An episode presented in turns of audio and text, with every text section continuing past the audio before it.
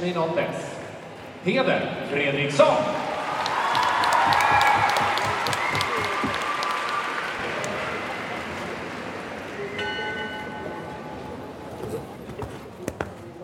Hjertelig velkommen. Mitt navn er Live Bonnevie, og dette er episode 124 fra Hestenes Klan, en podkast om hester og hestefolk.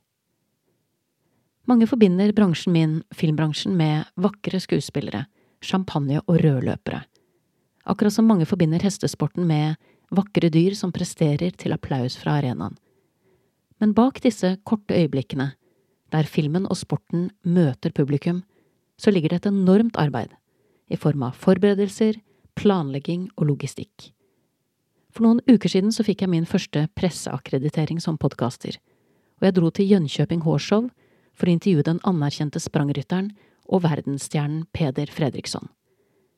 Der fikk jeg ikke bare sett ham vinne Grand Prix, til en applaus som fikk taket i arenaen til å løfte seg. Jeg fikk også tid til å se nærmere på hva som foregikk i kulissene, og tilbringe tid med både hestene og teamet hans.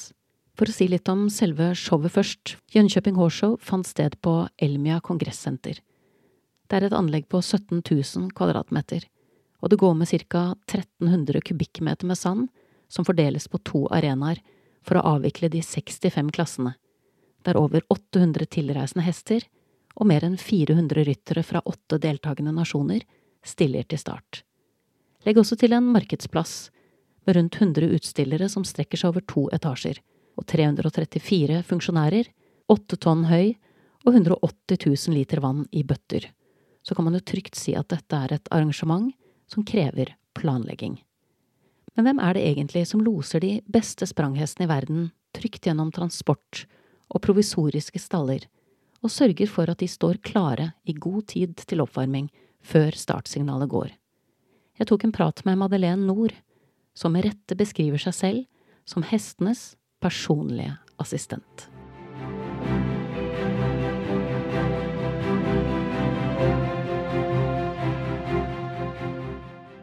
Ok, Madde, vi sitter i eh, stallen på Jönköping Horse Show, der hvor eh, Peder har alle hestene sine. Ja, vi är på Elmia, eh, Lisens, hans frus tävling.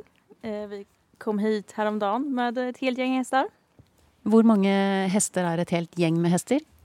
Eh, Peder har fyra. Så har vi en tysk tjej med och rider, hon har två. Och Steffi har nog sju. Og du har jobbet som groom for Peder hvor lenge? I två år nu har jag varit. Så når dere da er hjemme og skal på et sånt stevne som dette, hva er det som blir din jobb da? Eh, mitt jobb det blir att eh, planera vad vi ska ha med oss, hur mycket vi ska ha med oss, eh, ta reda på vilka hästar också och förbereda dem, klippa, fixa, kolla manarna så de ser bra ut. Eh, och sen är ju all packning då, det är ju hur mycket vi ska ha med oss. Så vi har ju med spån, mat, all utrustning dessutom. Så det är ett ganska stort projekt.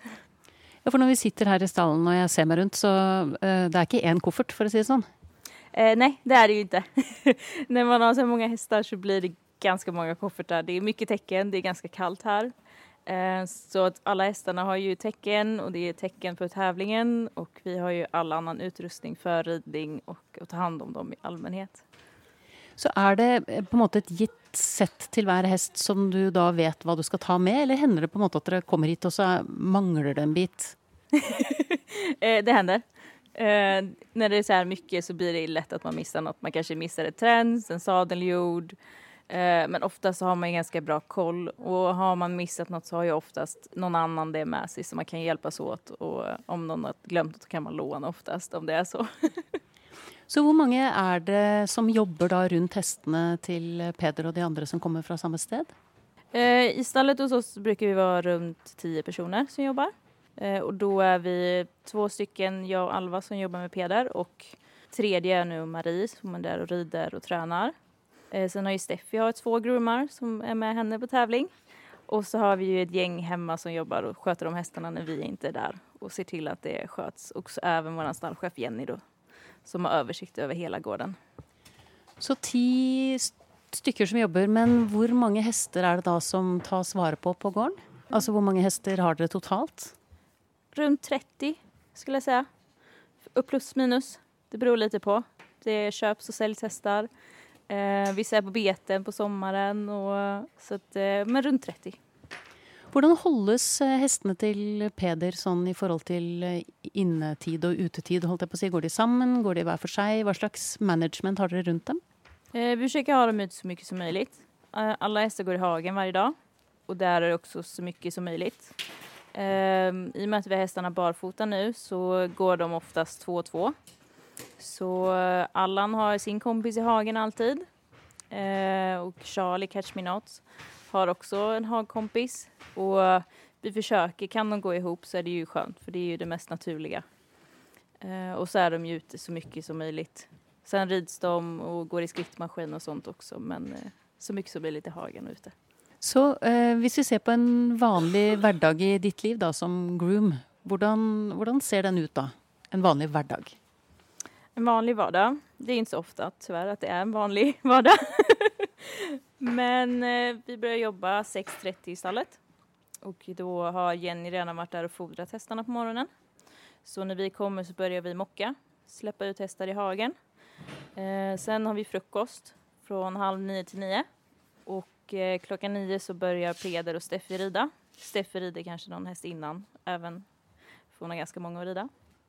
Eh, sen tar vi lunch vid 12, 12 till 1 har vi lunch. Och på eftermiddagen så ska hästarna in, de ska borstas, kollas över. Eh, det kan hända att Peder rider, på eftermiddagen också.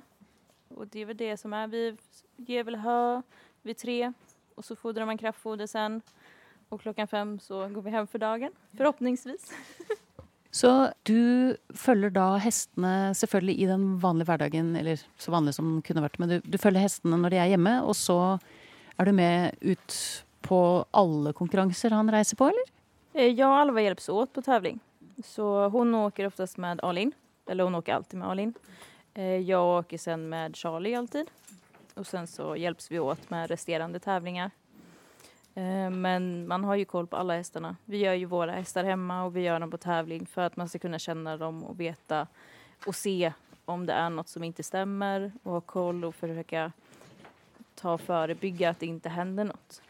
För det gäller ju, vårt jobb är ju att känna hästarna så mycket som möjligt och veta vad som fungerar bäst för dem i allt så att säga. Från resa till stall till boxar och hela, hela kittet så att säga. Så det betyr at når eh, på måte hverdagen endres for hestene fordi de flyttes rundt, så vil, det, vil du være en av de som på måte blir det mest stabile i tillegg til Peder? Det mest stabile elementet i livet, sånn sett, da? Ja, precis. Det blir, och vi försöker få, det är vårt jobb att se till så att hästarna har det så bra som möjligt. Och vi försöker alltid följa våra rutiner som vi har hemma. För hästar är ju rutin, alltså rutindjur. Kommer du till stallet på morgonen, är du sen så hör du ju att du är sen med maten. De vet ju när det är matdags till exempel. Så att sånt är ju vårt jobb att se till att vi följer så gott det går alla rutiner och allt. Så att vi är ju med, vi är ju typ personlig assistent i hästarna. Och du har också certifikat för eh, lastbil, så det betyder att du kör en del av hästarna också. Ja, jag har lastbil och släp så att jag kör alltid till tävlingarna när jag åker. Så det är över hela Europa vi åker. Hvordan gjør dere det når det er eh, lang distanse? Eh, Hvordan deler dere opp reisen, og hva slags rutiner har dere knyttet til det? Eh, Jag brukar planera med att kolla först hur långt det är till tävlingen och planera in när vi behöver vara på tävlingen. Är det en lång resa, typ som ner till Spanien eller liknande, då har ju vi kanske tre dagars resa. Och eh, det kan ju ta ganska mycket på hästarna att resa så på lastbil i tre dagar så att man planerar in stopp för att få eh, så jämnt tid, körtid. Vi brukar köra 8-9 timmar eh, och även planera in tiden samtidigt där med att hästarna får vila ordentligt och att man är i tid till tävlingen så att hästarna hinner vänja sig vid tävlingsplatsen och komma ut och röra sig lite och sånt. Så da blir dere som en slags fortropp på en måte, sammen med hestene, og så kommer rytterne senere? Ja, Peder är oftast kvar hemma. Så vi åker ju innan i och med att det tar ju så, så pass lång tid att åka oftast i tävlingarna. Det är ju nästan alltid två dagar, en två dagar resa. Och den dagen är ju Peder kvar hemma och rider de hästarna som är kvar. I och med att vi oftast kanske bara har två eller tre hästar med oss. Så då betyder det att då har ju vi kanske fem hästar kvar hemma som han behöver rida och träna i de dagarna liksom. Når er det dere bytter ut lastebil med fly? Sånn, altså Hvor lang är resan då för att dere väljer att sända med fly istället? Eh, jag skulle säga det är lite olika men eh, till exempel så till Doha så flyger vi. Det blir en lite för lång resa liksom. Man kan säga att i Europa så brukar vi köra lastbil. Eh, men när det blir sådana resor, alltså till, som till USA, det går ju inte att köra. eh, Doha och de ställena, Saudiarabien, över till de länderna, då flygs hästarna för att det är det lättaste och smidigaste för dem. För det blir väldigt lång resa på lastbil annars. Och hur fungerar det med, med flytransport? Är du då den groomen som är med hela löpet från start till slut eller är det andra rutiner? Eh, det beror lite på. Det är oftast så att eh, det är ungefär fem, sex groomar och det är från andra ryttare kan det vara också då eh, som flyger med hästarna. Så det är inte alltid att vi flyger med våra hästar utan det mm, delas ju upp. Oftast är det de som är lite mer rutinerade och kanske flygit väldigt mycket med hästar och sånt som är med. Eh, så att då brukar ju antingen man själv eller en kollega, typ Alva, lämna hästarna på flygplatsen. Eh, och om jag skulle då till tävlingen så flyger jag privat eller kommersiellt. Så då flyger jag innan. Så att jag är på plats när hästarna anländer. Eh, så att det är lite, det är lite extra jobb så sätt planering. Men alla hjälps åt och eh, ja, gör det så gott som möjligt.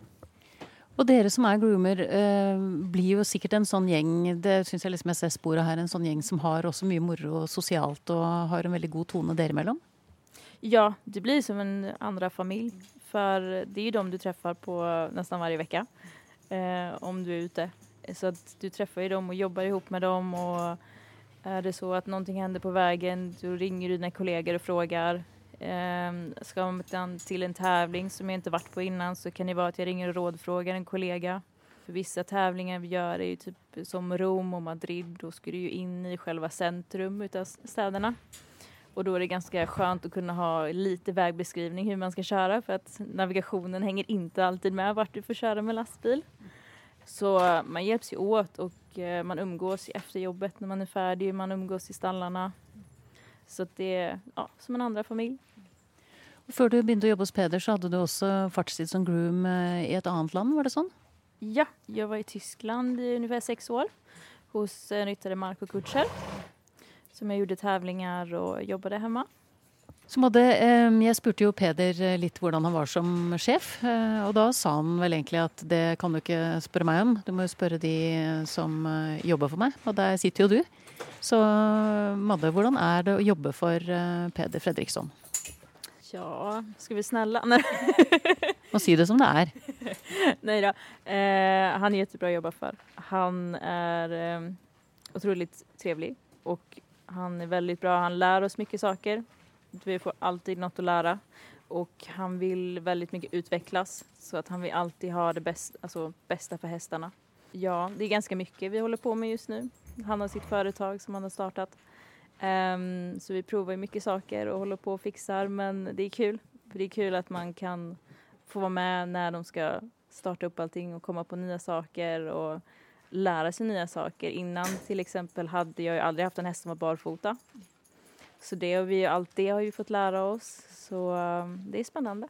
Jag måste også spørre deg, Da jeg snakket med Peder och spurte hva slags sjef han var, så sa han uh, flere ting. Men han sa också att han følte att han var hard.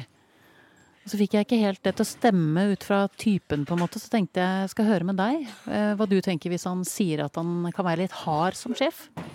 Alltså, han har ju sina rutiner. Det är nog det han tänker på mest, skulle jag ju tippa på. Han har sina rutiner och han vill ha det på det sättet. Uh, så att med hästarna och sånt, han har ju sina rutiner. Vi vet när han vill sitta upp på hästarna. Uh, han har sin rutin när vilka hinder han vill hoppa, hur han vill hoppa. Um, att han till exempel att han sadlar om hästarna alltid innan start. Och medan vi sadlar om hästarna så går ju han genom banan. Uh, så ja, det är väl kanske det han syftar på. ja, så det betyder att han är, säger du på svensk, noggrann eller nöje? Ja, precis. Noggrann skulle jag med säga då. Eh, och sen, han är ju väldigt mån om hästarna. Han vill ju veta allt om hästarna och vara involverad i allt. Så det är väl, det är ju mycket sånt. Vissa ryttare är ju inte jätteinvolverade i dagliga skötseln. Eh, men han vill ju veta allt om hästarna så att han vet hur de är och eh, från minsta lilla sak så är det ju bättre att han vet om det. Er dette, tenker du at dette her er din drømmejobb? Å være personlig assistent for disse nydelige hestene? Eller hvordan, hva er perspektivet ditt i forhold til eh, fremtiden? Alltså det är ju ett drömjobb. Vi får resa, vi får vara med hästarna, vi får tävla, alltså se otroliga ställen. Ehm, jag har faktiskt inga planer på vad jag ska göra i fram, framtiden så att säga. Ehm, jag känner lite att jag tar det som det kommer. Eh, känner jag för att fortsätta med det här ett tag till så gör jag det och känner jag att jag vill göra något annat så kommer jag göra det. Men antagligen så kommer det bli något som är hästrelaterat om jag väljer att sluta gromma. Du skal Tusen takk for at du satte tid å ta en prat med meg midt mellom to klasser. For nå skal jo Peder starte klasse nummer to snart, i dag. Ja, Charlie Catch Me Not ska snart starta. Vi har eh, börjat preparera honom så att, eh, men det är bara kul att få vara med. Kan jeg spørre deg hvor lang tid omtrent dere beregner fra hesten står i boksen til den er startklar? Beror lite på. Knoppar man så tar det lite längre tid. Og med knopper så mener du måten dere setter opp mannen på, ikke sant? Ja, precis. När, när man flätar och rullar. Eh, men det kan ju vara allt ifrån en kvart till en halvtimme, timme. Det är lite beror på häst. Alltså, vissa hästar kanske vill ha massagetäcke innan start och de kanske vill ut och gå lite. Så att, eh, det beror helt på häst faktiskt skulle jag säga. Tusen takk for praten, og lykke til eh, videre. Tack så jättemycket. Du har nettopp hørt episode 124 fra Hestenes Klan, en podkast om hester og hestefolk. Og jeg har lyst til å avslutte med å dele noen refleksjoner om hestevelferd. På alle arenaer jeg har besøkt i de tiårene jeg har drevet med hest, og på alle nivåer av hestehold, det være seg løpshester, turhester, hobbyhester, konkurransehester eller kjørehester, så finnes det hester som er godt trent og godt forberedt til å gjøre en jobb som de både forstår og trives med. Catch Me Not var typisk en sånn hest. Rutinert, trygg og klar til å prestere. Men også på Jönköping Horse Show så finner man selvfølgelig hester som tydelig ikke trives med det livet de har fått tildelt. Kanskje har de en rytter som er for tung, eller for ubalansert til at de føler seg komfortable. Kanskje er de ikke godt nok forberedt. Kanskje mangler de den rette fysikken, eller den rette psyken til å takle det livet vi tilbyr dem. Eller i verste fall begge deler. Men jeg syns det er viktigere at vi snakker om at hester, som av ulike grunner ikke trives, finnes overalt. Og uansett nivået man rir på, så er det jo vårt ansvar å sikre at hestene våre har det bra. For selv om vi holder og trener hestene våre ulikt, og har ulike ambisjoner, så bør vi likevel kunne enes om å strekke oss etter en felles ambisjon om at alle hester fortjener den beste velferden vi kan tilby dem. Og i alle deler av hestemiljøet så finnes det heldigvis gode forbilder. Og i neste episode så skal du få møte et slikt forbilde. Peder Fredriksson. Mannen som hentet hjem individuelt sølv og gull fra lagkonkurransen i OL i Tokyo i 2021. Da gjenstår det bare for meg å takke min faste komponist Fredrik Blom, min gjest Madeleine Nord, og sist, men ikke minst vil jeg takke deg, kjære lytter, for tålmodigheten. Måtte hesten for alltid være med deg.